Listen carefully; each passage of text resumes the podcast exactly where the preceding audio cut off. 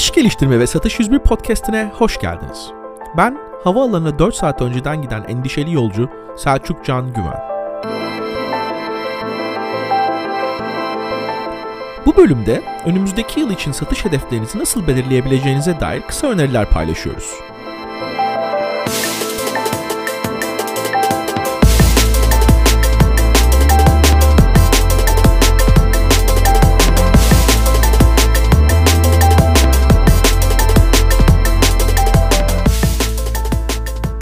Yeni yılın ilk bölümüyle karşınızdayız.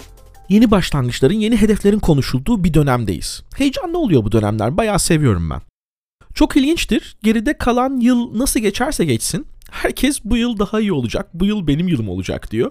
Belki de Matrix'teki Architect abinin dediği doğru diyorum bazen. Umut insan aldanmasının en bariz örneği. Hem en büyük gücümüz hem de en büyük zayıflığımız.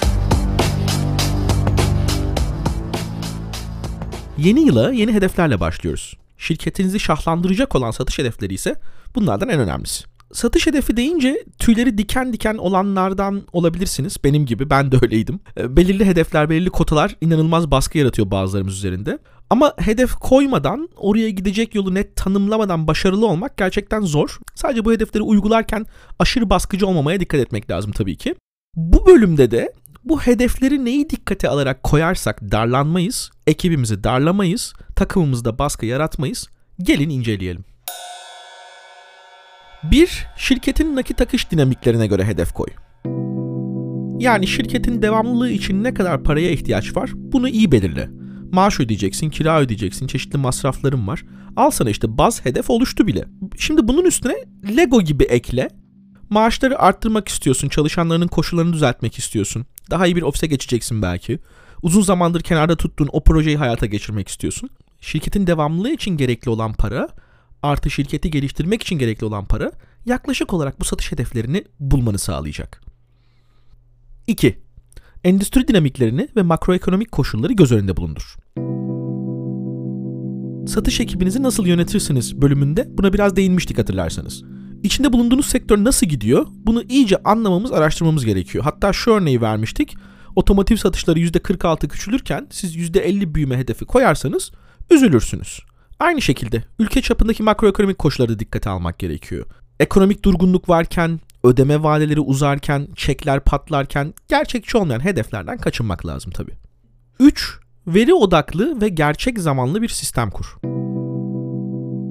Yine geçen bölümde veri temelli karar almanın öneminden bahsettik. Dinlemediyseniz mutlaka öneriyorum. Çok güzel noktalara değindik. Orada veri odaklı olmak, veri temelli olmak ne demek onu tanımladık. Gerçek zamanlı olmak ise işte 3 ayda bir rapor almak, her çeyrek sonunda rapor almak yerine istediğin zaman cep telefonundan girip büyük resmi görebileceğin bir sistem. Tabii ki CRM'den bahsediyorum. Satış hunisi nasıl görünüyor? Şu an ne durumda? Bir ay sonra ne kadar satış kapatmayı planlıyorum? Bunların hepsi nep net olmalı. Neden biliyor musunuz? Çünkü yol boyunca revizyon yapmanız gerekecek. Bu da bizi bahsetmek istediğim son konuya getiriyor. Niye revizyon gerekecek? Çünkü hedefler organiktir. Taşa yazılı değildir. Abi İran'a roket saldırısı oldu. Olsun bizi etkilemez. Abi sektörde şöyle bir eğilim var. Bana ne hedef değişmez. Koyduk artık. Abi şu iki rakibimiz konkordato ilan ediyor. Beni ilgilendirmez. Bu, bu şekilde olmaz bu iş. Hem makro koşulları hem de mikro düzeydeki yürüttüğün operasyona bakarak hedeflerini revize edebilirsin, etmen gerekecek.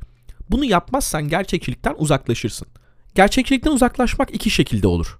Ya makul hedefin üstünde ya da altında hedef koyarsın makul bir miktar var hedef koymak için öyle düşünelim. Üstünde hedef koymanın ne zararı var? Motivasyonu düşürür. Ve emin ol istediğin en son şey motivasyonu düşük, mutsuz bir satış ekibi, mutsuz bir sen. Makul miktarın altında hedef koyarsan da satış deyimiyle masada para bırakmış oluyorsun.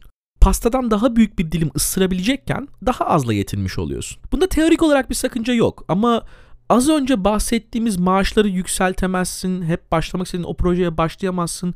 Bu seni limitler yani. Evet, bir bölümün daha sonuna geldik. Hedef koyarken nelere dikkat edeceğimize değindik ama asıl olay bundan sonra başlıyor. Hedefleri belirledikten sonra o hedefe giden yolu çok net bir şekilde çizmeniz, yolu aydınlatmanız ve takımınıza bunu çok iyi anlatmanız. Hatta bazen de ellerinden tutup o yolda yürütmeniz lazım. Hedef koymak çok kolay.